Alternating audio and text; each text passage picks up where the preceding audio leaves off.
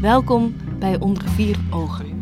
Nou, dat denk ik niet. Ik denk niet. Nee, nee. Afgelopen maanden vonden in Theater Frascati in Amsterdam enkele bijzondere ontmoetingen plaats. Ik heb je net twee minuten geleden leren kennen. En ik heb maar één ding met je afgesproken: dat ik je mag tutoyeren en bij je voornaam mag noemen. Ja, dat Nou, dat klopt. is fantastisch. Gezeten aan de keukentafel keken kunstenaars en politici elkaar diep in de ogen. Elk vanuit hun eigen wereld, die mijlenver weg ligt van de ander. Of toch niet. Ik voel me eigenlijk best vaak politicus als eh, kunstenaar. Nou ja, ik heb aan de schoolmusical eh, natuurlijk eh, meegedaan op de basisschool. Dat vond ik heel erg leuk. Wat voor rol had je? 150 jaar na Thorbecke's uitspraak dat kunst en politiek ver uit elkaars buurt moeten blijven, gaan ze recht tegenover elkaar zitten. Op zoek naar onverwachte allianties, inspirerende vergezichten, een nieuwe dialoog. We zijn allemaal acteurs. Het zijn allemaal acteurs, daar komt het op neer. Vandaag Naomi Felisariou. Deze half Vlaamse, half Griekse is actrice en theatermaakster. Bij Frascati Producties maakte ze al zes voorstellingen. Haar nieuwste voorstelling Sonntag toert nu door het land. Zij zit tegenover Meili Vos. Politica, voormalig vakbondsleider en columniste. Sinds 2012 is ze lid van de Tweede Kamerfractie van de PVDA. Hier zet ze zich in voor ZZP'ers, maatschappelijk verantwoord ondernemen, wetenschap, innovatie en kansspelbeleid. Eén kunstenaar, één politicus en geen gespreksleider. Ben ik aan de beurt? Mhm. Ah ja, natuurlijk. Op tafel liggen vragen in drie categorieën: rood, samenleving en verandering, blauw, kunst en politiek, en geel, persoonlijke kennismaking. Een zandloper bepaalt wanneer het tijd is voor de volgende vraag. Hey, eh, ik moet een kaartje. Jij met elkaar. Ik ga toch Dit Is wat er plaatsvond onder de vier ogen van Naomi Felisariou en Meili Vos. Nou, dan ga ik even naar de persoonlijke kennismaking, want ik wou het, wou het net al doen. eh, maar toen zei zij stop. Eerste vraag. Geel, persoonlijke kennismaking. Stel uzelf voor met betrekking tot het vakgebied van de ander. Welke geschiedenis heeft de politicus tot nu toe met kunst? En welke geschiedenis heeft de kunstenaar tot nog toe met politiek? En wanneer voelde de kunstenaar zich politicus? En wanneer voelde de politicus zich kunstenaar? Nou, ik ga er maar aan staan. Wil ik beginnen dan? Ja, ja jij moet beginnen. Oké. Ehm, ik wilde vroeger politica worden. Echt waar? Ja, in de middelbare school. Ik niet. Eh, ja, ik had, ik had toen helemaal, helemaal uitge, uitgekiend dat ik zou dan in Leuven politicologie gaan studeren. En dan, en dan wilde ik graag internationale betrekkingen doen en dan wilde ik heel graag diplomaat worden. En ik zat in, in eh, het European Youth Parliament, ik weet niet of je dat kent. Ja, ja, maar dat zat ik altijd met argusogen naar te kijken. want Dat vond ik echt veel te hoog gegrepen. Ah ja, dat was wel heel leuk. Dat was echt heel leerzaam. Ik was echt een nerd. Ik, ik ging echt smiddags persberichten van Belgam lezen, omdat ik de kranten niet vertrouwde en dat soort dingen. Ehm, verder ben ik nu bij Kunsten 92. Eh, ik weet niet of je dat kent. Dat is een, Ja, een beetje. Maar kan je dan iets, iets uitleggen wat, wat Kunsten 92 ook weer doet? ja, dat is een, een... Dan krijg je het politieke praatje. Ja, Dat is een, een, eh, een, eh, een sectorbrede eh, belangenvereniging voor de kunsten. Dus zij lobbyen vanuit het veld richting de politiek. En ik ben daar nu een half jaar, denk ik, bij, in, in, de, in die raad van bestuur. Dus ik leer dat nu allemaal zo stilaan een beetje kennen. En ja, dat is heel leuk, maar dat is, ja, en ook heel spannend. Mo- hebben we eigenlijk zeven minuten voor dat ik allebei het te antwoord? Want, want dan... Moet Want ik dan nu over mijn... eh, ja, we zijn Oké. halverwege. Go. Ehm, ja, wat ik tot nog toe met de kunst heb. ehm, altijd tekortschieten. Echt, ehm, zoals Martin Brill ook zei. Je mist meer dan je meemaakt. En dat, die, dat, dat blijf ik altijd eh, houden. En dan zei hij daarna, maar dat is helemaal niet erg. Maar ik vind het wel erg. Eh, ik, ik ga graag naar toneel. Ik zie heel graag muziek. ehm, eh, en ik heb soms altijd het idee dat er een rangorde is. Ik denk dat mensen die eh, toneel doen, dat die zich hoger achten dan mensen die muziek doen. Wow. En dat, ja, nee, maar dat is echt een, een, een rare een, ding in mijn hoofd, omdat ik ehm, ja, me toch altijd heel onzeker voel als ik in de stad Schouwburg ben. Oh ja, dat snap ik. Door dat gebouw. Nee, Ik nee, heb- nee, dat gebouw, door de mensen. Hm. Dat is grappig, maar ik heb juist eigenlijk altijd het omgekeerde, omdat muziek veel abstract is. Of ik heb altijd het idee dat mensen die in theater zitten een minderwaardigheidscomplex hebben ten aanzien van mensen die... Als je echt een ambacht hebt, als je gewoon een instrument kan spelen, of Oh, je kan grappig. schilderen, of je kan... Maar Ja, hebben ze allemaal een minderwaardigheidscomplex ten aanzien van elkaar. Ja. Oh. Het is, ik heb altijd het gevoel dat hoe abstracter de kunstvorm, hoe hoe verhevener of zo de Maar muziek is kunstenaar. toch niet abstract? Eh, Ik ben misschien naar de verkeerde toneelstukken geweest die te abstract waren. Ja? Dat Oh, kan. Dat is wel interessant. Maar ik ben wel nog geïnteresseerd in waarom je dan eh, dat, dat gevoel hebt van dat dat niet toegankelijk is of zo. Als je zegt dat je in de, in de stad Schouwburg bent, dat je dan het gevoel hebt dat je er niet, niet bij hoort of zo. Of Ja, misschien omdat ik in wezen heel onzeker ben en ik vind het heel lastig eh, als ik het niet helemaal vat. Ja. Of ik niet, eh, dan zie je dus mensen om je heen helemaal de, totaal aan opgaan en genieten. En dat doe ik dan niet. Dan heb ik altijd het idee van ik mis wat. En heb je dat alleen met theater? Nou, vooral met theater, ja. Dus niet met, met muziek of zo, dat je denkt, dat snap ik niet. Of Nee. met beeldende kunst, als je naar een expositie gaat. Of, Nee, nou ja, nee, dan weet ik ook wel vaak wat ik wel en niet mooi vind. Dat kan ik ook wel uitleggen. ja, Maar bij theater heb ik dat niet. wat gek. Ja, ja eh, volgende vraag. Oké. Volgende vraag. Rood. Samenleving en verandering. De wereld is in transitie, meer dan ooit. Wat, wat zijn op het gebied van, de, van het samenleven op dit moment de grootste uitdagingen voor de komende jaren? Waar ligt u van wakker? Ik lig wakker van ehm, het harde, cynische, eh, de rechtse onderstroom die inmiddels bovenstroom is geworden. Het is nu, politiek correct is, is rechts. En alles wat links is, is politiek. eh, het- voelt alsof we het, het gepeste schooljongetje in de klas zijn. Dus alles wat wij linkse mensen leuk en belangrijk vinden, sociaal-cultureel dan, eh, is niks meer waard. Het werd net ook wel in, het, in de inleiding eh, gezegd en vandaag stond ook in de krant. Het merendeel van Nederlanders juicht gewoon een bezuiniging op kunst- en cultuurontwikkelingshulp toe. En is vooral bezig met zijn eigen AOW en, zijn, en de gezondheidszorg. Dus natuurlijk is dat ook wel belangrijk. Ehm, maar, maar de verrechtsing van de samenleving en ook de nonchalance en ook gewoon de manier waarop er eh, gepraat kan worden over eh, hè, bijvoorbeeld die, Turkse vloggers dan bij Zaandam. Gewoon uitschot en dat dan gelijk zo'n Facebookpagina van Traps het Land uit 4000 likes krijgt en dat dat dan niet zeg maar tegen onze normen en waarden is. Eigenlijk gewoon het openlijke racisme en de discriminatie in het land. Eh, en, dat, en, je, mag nooit Godwins doen. En je mag nooit over de jaren 30 hebben, maar het voelt wel zo. En ik heb te veel oudere mensen nu gesproken en gelezen die zeggen: dit, dit voelt gewoon heel erg fout. Ja. En daar lig ik wel wakker van. En eh, ma- mag ik een bijvraag stellen? Dan weer, al- weer in hetzelfde straatje misschien. Maar, eh, maar- je zei er straks dat mensen dat dan toejuichen, die, die bezuinigingen op cultuur. En hoe, hoe verhoud je dan jezelf tot deze dingen waar je dan van wakker ligt? Nou ja, je, als politicus heb je gewoon je takenpakket en ik zou het liefst ook alles doen. Ehm, maar je, je, bemoeit je natuurlijk wel in den brede met ook de onderwerpen van andere van collega's. Ehm, dus ja, dat ik me hier zorgen over maak. En het lijkt me misschien zelfs frustrerender om woordvoerder cultuur te zijn, omdat je zo weinig handen op elkaar krijgt voor ehm, bijvoorbeeld vrij geld. Ik heb bijvoorbeeld wel de portefeuille wetenschap. En wat ik heel belangrijk vind, is dat ook gewoon wetenschappers gewoon vrij onderzoek kunnen doen. Dat is hartstikke lastig, want het moet allemaal maatschappelijk relevant zijn. Het moet gelijk binnen vier jaar moet het zich terugverdienen. Ja. Ja, wat, wat Jesse Klaver het economisme heeft genoemd, en waar iedereen nou wel een beetje zo eh, begrijpt wat dat is. Hè? Want het, geklagen over marktwerking in de zorg gaat daar ook over. Niet alles is in geld uit te drukken. Maar uiteindelijk als puntje bij paaltje komt, ehm, eh, wordt wel nog steeds alles afgemeten ehm, in de vraag van, en, en levert het wat op? En zeker ook bij kunst en cultuur. Ja. En jij, waar lig jij wakker van? Ik ben heel hard aan het nadenken. Misschien lig je wel niet wakker. Ik ben misschien een optimist. Ik ben denk ik altijd bang voor dat... dat eh, ja, en dat- ik denk dat dat ook met radicalisering te maken heeft. of Zo, met, met nuance die verloren gaat of zo. Inderdaad, dat alles een soort, een soort hapsnap klaar moet zijn. En dat je niet meer genuanceerd over dingen mag praten of zo. Dat je, dat je heel duidelijk stelling moet innemen. Dat je het een Dat beetje je- met elkaar oneens mag zijn. Ja, Het ja. lijkt allemaal wel een, een, een, een Joods-Palestijns conflict tegen. Ja, dat alles al- gepolariseerd Dat had ik al niet moeten doen, want dan krijg ik al gelijk, zeg maar, eh, ruzie met allemaal mensen. Ja, Gaan we gewoon de volgende vraag toch doen? volgende vraag. Ik wil, ik wil haar muziek horen. Zowel kunstenaar als politicus mogen elk één muzieknummer meebrengen. Dit is de muziekkeuze van Naomi. Sadly, one Sunday, I waited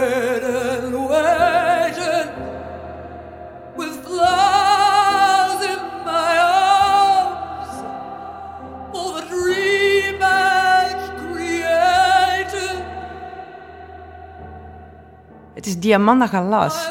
Dat is een soort van de, de, de, de, zwarte versie van Maria Callas. als een de duistere versie. Het is een Griekse zangeres. Zij is eigenlijk een klassiek geschoolde zangeres. Uh, en, en, en, dit is eigenlijk een, een jazz standard. Me Sunday. Maar zij heeft zo'n, hoe moet ik dat zeggen, niet te uh, ja, ontkennen heftigheid of zo. Zij heeft, heeft technieken van de, van de death metal zichzelf aangeleerd en in de klassieke muziek en in de jazz gebracht. Dus ze squealt en ze grunt. Ze doet soms zo die... die was a bell that was drawing Saddest of Sunday Ja, het zijn heel heftige mensen ook. Ze is altijd gesminkt als een kat. Ze heeft een... Ze, ze, heeft uit een plaat uitgebracht van 90 minuten toen het uit was met een man. Waarin ze 90 minuten schreeuwt. het is fascinerend, ja. Ze heeft ook een heel rare, uh, um, hoe noem je dat, copyright policy. Dus als je haar muziek gebruikt voor iets of zo, dan dan staat op haar website, die vol met wolvenhoofden staat. uh, dan staat er dat je, dat je geen boete moet betalen, omdat ze persoonlijk naar je toe komt en je kop eraf bijt.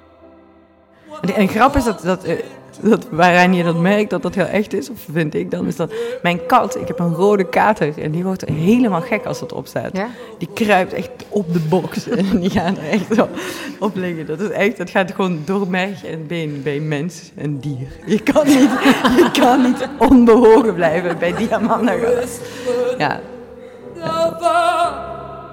But you have loved and I bless you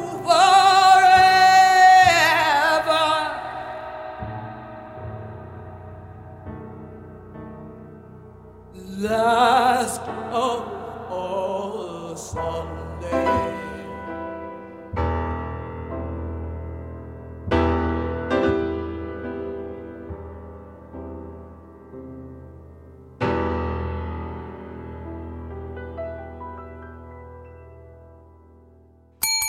Blauw, kunst en politiek. Zo, uh, zo, nou mag jij weer. Ja. ja. ben ik aan de beurt? Mm -hmm. Ah ja, natuurlijk. In hoeverre lijkt het beroep van de politicus op dat van de kunstenaar? Wat zijn de overeenkomsten en verschillen? We moeten allemaal uh, acteren. en ik heb soms het idee dat politici soms meer moeten acteren dan, uh, uh, dan jullie acteurs.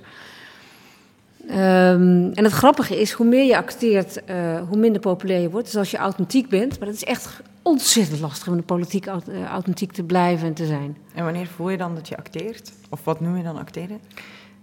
Nou, je hebt een aantal taboe-onderwerpen op een gegeven moment. Hè, dus uh, iedereen wist op een gegeven moment de hypotheekrenteaftrek. Jongens, dat is echt het allerdomste wat we ooit hebben bedacht. Moesten vanaf. En ik had natuurlijk voordat ik in de politiek kwam eens een keertje een stuk getypt. Van jongens, uh, dit is allemaal heel slecht voor ons jongere mensen. Hypotheekrenteaftrek, want wij krijgen het niet. Huizen worden duurder. En, uh, en de AOW, hup, leeftijd verhogen en zo. Kom in de politiek. Ja, uh, dat kan je dus nu echt niet meer zeggen, want dat is politieke zelfmoord. Ja, maar dat vinden we, ja, we vinden het wel, maar je gaat het niet in de Tweede Kamer zeggen. Dus dan moet je elke keer als je erop vraagt, en iedereen weet ook wel dat je dat eigenlijk vindt, omdat ik dat ooit geschreven heb toen ik nog niet politiek actief was.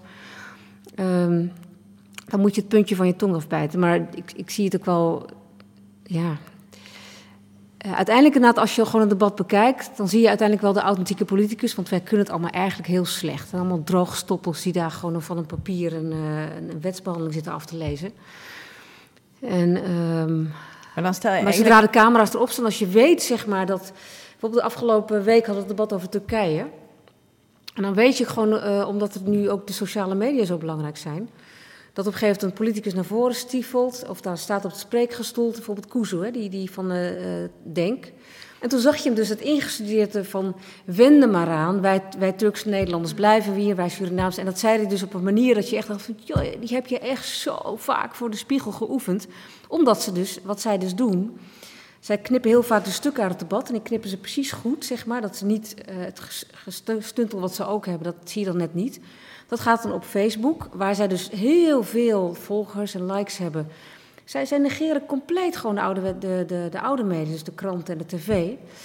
En, en alles wat zij doen is ook gericht op hun publiek in Facebook. En dat deden wij natuurlijk al een beetje, maar de jongens van Denk, die hebben dat echt wel geperfectioneerd. En, en, en heb je ook ooit Heb je ook, ik, ik heb eigenlijk heel veel vragen. Heb je ook ooit het gevoel dat je jezelf speelt? Dus dat je een soort van personage hebt, een soort van uh, de Meili Vos spelen? Nou, ik heb heel saai portefeuille. Ik heb echt uh, bijvoorbeeld een aanbesteding. En dan, en dan elk jaar weer is er dan het, het aanbestedingsdebat. En dan zit je elke keer met, dus, met dezelfde collega's die er ook wel over aanbesteding. Ja, het is heel belangrijk dat het goed en. Wat is aanbesteding? Nou ja, dat, dat is bijvoorbeeld stel ik moet een, een, school bouwen en dan moet ik als overheid moet ik zorgen dat elk bedrijf een eerlijke kans heeft om daarop in te schrijven. En dan gaat iedereen een pitch indienen of een plannetje indienen. En dat moet allemaal eerlijk. En ik moet ook de spelregels eerlijk doen als hè, Dus alleen voor bedrijven dan? Overheid versus bedrijf. Het is echt ontzettend saai. En elk jaar weer is er zo'n debat. En elk jaar weer zit ik dan met diezelfde collega's precies hetzelfde. En dan heb je echt Groundhog Day. het is echt heel erg. Dus ik, dit jaar voor het eerst is mij gelukt om een collega die wat niet zat op te letten, heb gezegd: Wil jij niet aanbesteding doen dit jaar. en, dus ik hoef het er niet meer te doen. Maar ik heb dat met heel veel van die onderwerpen, omdat dat gewoon eindeloos terug blijft komen. En dan voel je, je dan zie je jezelf zitten. Dus je komt met diezelfde gezicht in de zaal. En, uh, ja, en, en, en, dan zit je daar en dan wil je eigenlijk gewoon gillen tegen de mensen. Zullen we met z'n allen gewoon naar die film gaan kijken? En je doet het toch niet. Nou, en andersom? Uh, ja, ik denk het wel. Ik denk dat gewoon dat aan kunst doen dat dat fundamenteel politiek is, wat ik ook uh, in mijn in mijn. Uh, hoe dan? Hoe, hoe, is het dan politiek? Ja, omdat je, omdat je gewoon een, een, elke keer een alternatieve visie op de werkelijkheid profileert met elke voorstelling. Omdat je je voortdurend verhoudt tot alle fenomenen in de samenleving en daar probeert een, een vraagstuk over op te werpen en, en, en maar moet je dan af en toe wel eens in een rol kruipen of een, of een visie uh, verdedigen die je uh, dan niet wil? Of doe je dat dan wel eens? Ik doe dat eigenlijk bijna standaard in mijn voorstellingen. Ja. Als in, ik geef mezelf altijd een soort perverse logica mee. Hm. En dan kijk ik hoe, hoe lang ik die kan verdedigen in een, in een voorstelling. En dan hoop ik altijd tot zonder... Want ik ben, ik ben niet zo'n fan van letterlijk politiek theater. Hm. Theater met een, met, een, met een politieke boodschap die gewoon hapklaar in de voorstelling ligt. En ik, ik, probeer dan altijd eigenlijk door, door perverse logica eigen te maken, die aan te tonen of zo. En wat was het meest pervers wat je ooit hebt gedaan? Hmm. Ja, ik kan nu vooral, denk ik, aan mijn, aan mijn uh, ik bedoel dan pervers in een filosofische zin, hè? of bedoel je in de seksuele zin? Want dat is de... Whatever. ik heb, ik heb voor, mijn, voor mijn laatste voorstelling heb ik geprobeerd om iets te... Um, was, heb ik een soort van als denkoefening geprobeerd om onze westerse manier van leven te verdedigen. En om, uh, om aan te tonen dat, dat, dat op zoek te gaan naar dingen die we, die we absoluut niet mogen kwijtraken. Die echt een verdienste zijn van het Westen. En, en dat is me natuurlijk niet gelukt. Maar in, in die voorstelling zie je mijn personage voortdurend een, een pleit eh, bezorgen voor onze manier van leven. Heb je dan een voorbeeld van echt iets wat, wat je moeilijk uit je. Nou ja, het ding is waar je dan snel bij uitkomt, is. is uh, Nee, nee, waar je heel tijd bij uitkomt is bij al die clichés. Bij, die, bij die, de vrijheid om een, op een terrasje te zitten en de vrijheid om al die clichés die Mark Rutte na, na die aanslagen Om bikini te dragen. Ja, bij, bij al die dingen. Dat, daar zit het dan niet in of zo. Maar ik, ik, ik heb laatst voor het eerst fietste ik door de... In die hele voorstelling is dat niet gelukt, maar dat is ook de point van die voorstelling. Dat is waarom mijn personage zo verschrikkelijk is. Uh, uh, door de Gay Pride. En toen dacht ik, dit is het ik, vond, ik was er ineens zo, zo door ontroerd dat ik in een stad woonde waar iedereen van de hele wereld naartoe kwam, omdat je daar vrijelijk je geaardheid kan beleven. En de, de soort van die genderloosheid of die extreme genderuitingen die daar waren, dat vond ik zo mooi. En toen dacht ik, maar ja, het is misschien ook weer pervers om dan dat als westers te, te beschouwen. Maar toen dacht ik van, nu ben ik echt trots dat ik hier woon, dat dat hier kan.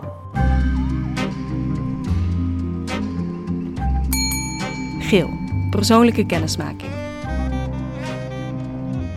Hmm.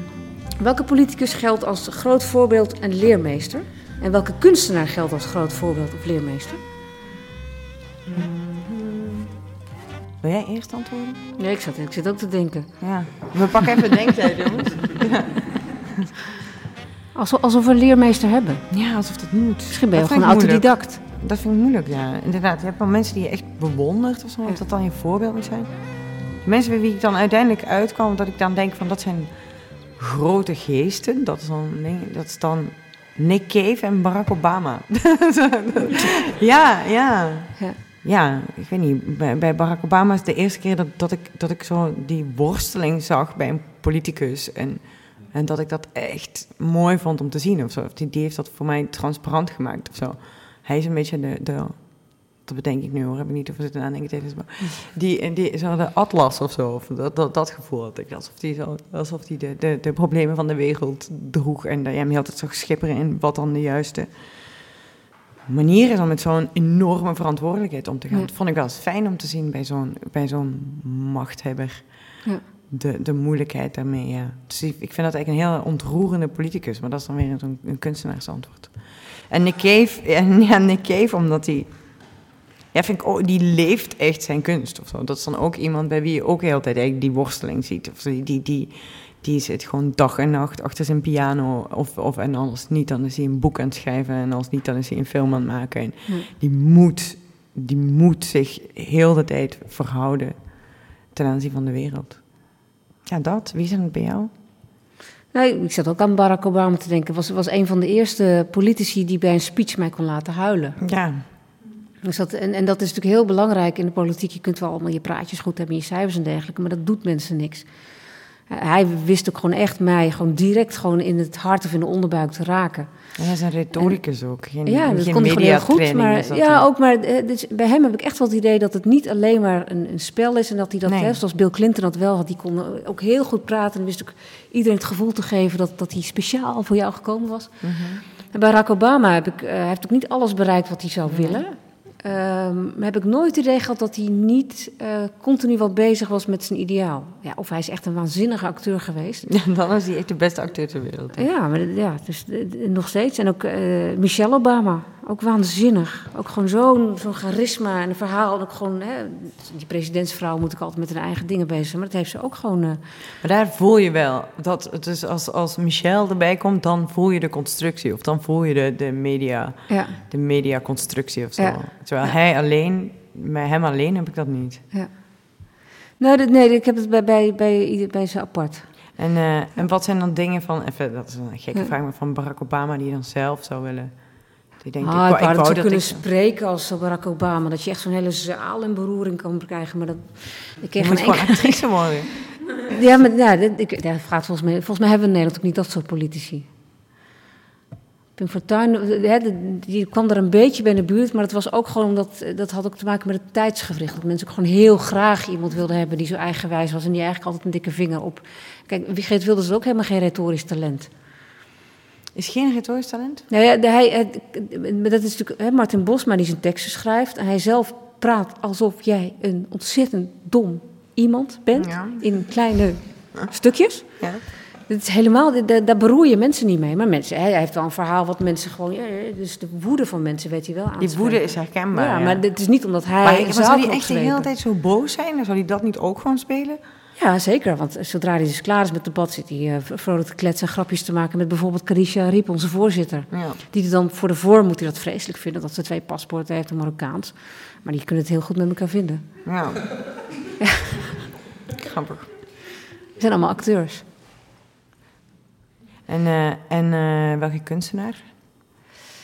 Is een groot voorbeeld, een leermeester voor jou? mijn- Nou ja, kunst, ja. Nee, die, die, die, ja, Kijk, ik ben altijd heel diep onder de indruk van Arno Groenberg. Oh, ja. Elke ochtend weer gewoon een ontregelend stukje. Echt dat ik denk, potverdomme, hij beledigt me. Ik vind het toch wel heel prettig om het te lezen. En is hij ook een voorbeeld? Als in, zou je zijn, zijn, zijn? permanente strijd tegen de hypocrisie en, en ook gewoon inderdaad zijn ijverigheid. Ik wou dat ik wat ijveriger was. Ik vind dat, ja, vind ik wel een voorbeeld. Nou mocht jij weer. Ehm, Blauw. Kunst en politiek. is Kamerlid zijn een begerenswaardige post? Waarom wel of niet? En is het beroep kunstenaar benijdenswaardig? Waarom wel of niet? En wat is jullie mening daarover? Die laatste vraag is zo Die laatste vraag. is- Ja. Oh, jij moet ook een Dus mening. eerst moet je zonder mening antwoorden. Ja. Even uitdaging. feitelijk, feitelijk is het Kamerlidmaatschap een begeerlijke baan. Je zou zeggen van wel, want het is een schaarse baan. Er zijn er maar 150 van in Nederland. Verder is het een hondenbaan. Waarom doe je het? Ja, de, de- zoals de meeste wel. Maar we zijn natuurlijk allemaal wel ontzettend idealistisch en gedreven. We zijn allemaal wel ergens de Kamer gekomen dat we iets ergens een misstand zagen. En, en je ziet het ook aan de zogeheten maiden speeches. Van dus de eerste keer dat je dan eh, de plenaire Dan je nog staat. heel geëngageerd. Ja, nee, maar dan eh, wat de redenen zijn waarom ze in de politiek zijn, waar ze vandaan komen. En iedereen begint altijd met zijn ouders en zijn grootouders. En, en daar zit altijd een verhaal in, hè, van dat ze zoeken naar het, het, het, het betere. Maar verder, ja, het is eh, zeker nu, ik, ik weet niet of dat vroeger zo was, maar je kunt het nooit goed doen. Eh, en zeker als je linkspoliticus bent en helemaal als je PvdA bent, dan heb je, is het ook altijd de schuld van de PvdA, echt alles. Zelfs het slechte weer. En de, en de honderigste baan is wel fractievoorzitter van de PvdA. Dat is echt de allerergste baan van heel... Want je krijgt heel Nederland altijd over je heen. Je eigen fractie, dus je eigen club. Alle leden heb je het ook altijd voor gedaan.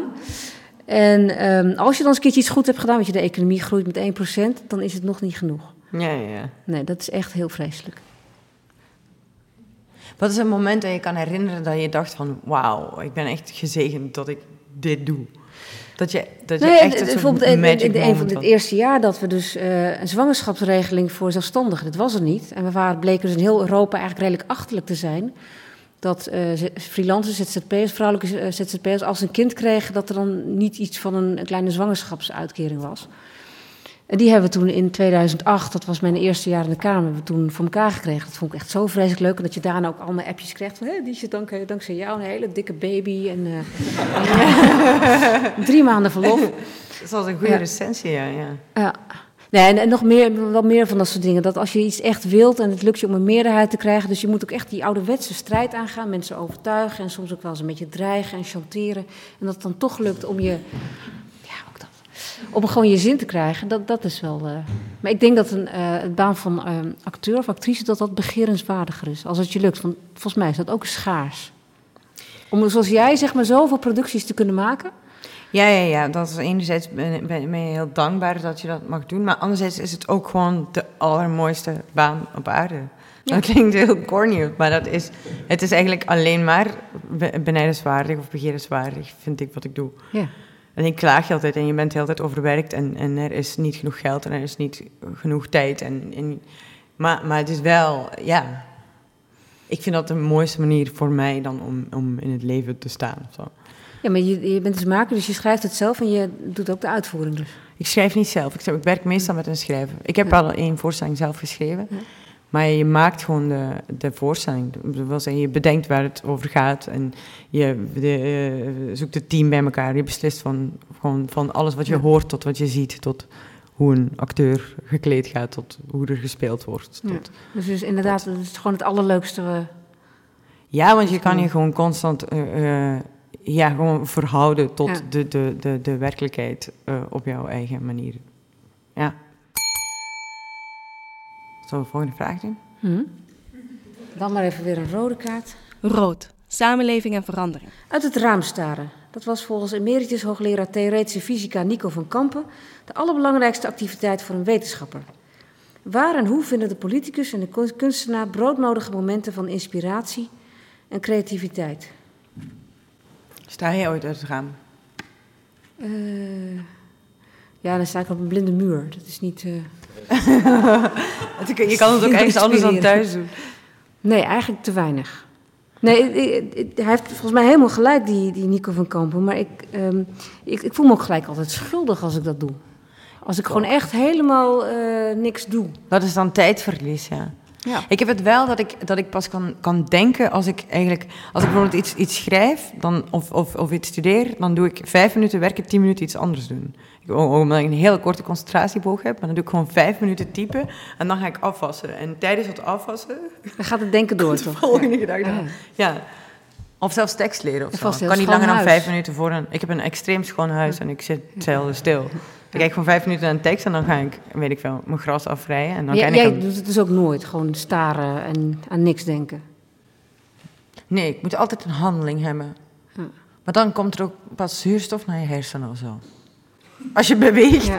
Als ik stil ga zitten, dan valt het stil. Maar, maar, maar wat, wat is wat ins- want, hè, Dus deze meneer die gaat uit het raam staren voor inspiratie. Ik Wat zit ook te ik denken, van wat, jou, inspireert ja. mij? Ja. Nou, als ik, meestal als ik gewoon ergens kwaad over word. Dat is erg, hè? Ja, Ja. dat heb ik ook soms. Dat je echt kwaad over wordt. ah, dan ga ik dan zitten typen en dan heb ik gewoon binnen... Soms, mijn beste stukken zijn geschreven in kwaadheid in iets, iets van tien minuten. Heb ik ook, heb ik Ja. ook. Exact dat. Dan, eh, als, ik, als ik ergens over bewondering voor heb of zo, dan Ja. moet ik echt sleuren om dat papier te krijgen. Omdat, ja... Muziekje anders? Ah ja. Is, uh, maar die moet ook heel hard, hè? Mijn... Harder. overnieuw, overnieuw.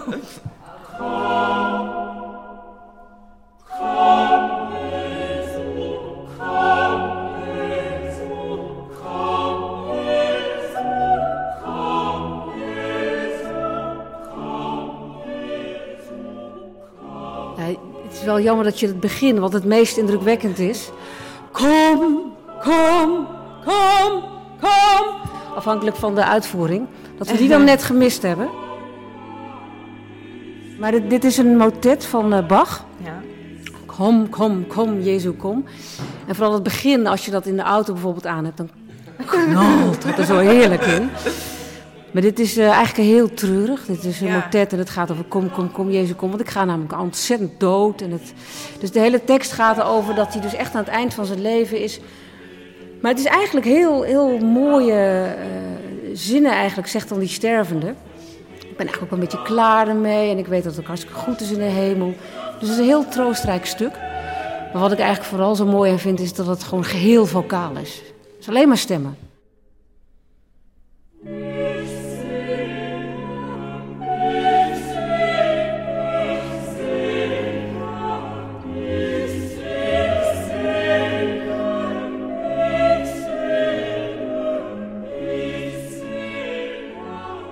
Dat ik echt een tranen met tijd zat te huilen, dat was, uh, ja, dat, dat, was toch muziek. En is emotie dan een graadmeter voor goede kunst is? Ja, omdat het dan, hè, je, je ratio die is natuurlijk altijd, altijd al bezig. En als op een gegeven moment alles tot met je tenen uh, je raakt en, en, beweegt. Ja, dan, volgens mij raakt het je dan. Ja, bij mij komen er dan tranen. Ik vond een, uitvoering van Allegri's Miserere. Een prachtig stuk. Ik had nog nooit zo mooi gehoord. Toen moest ik huilen.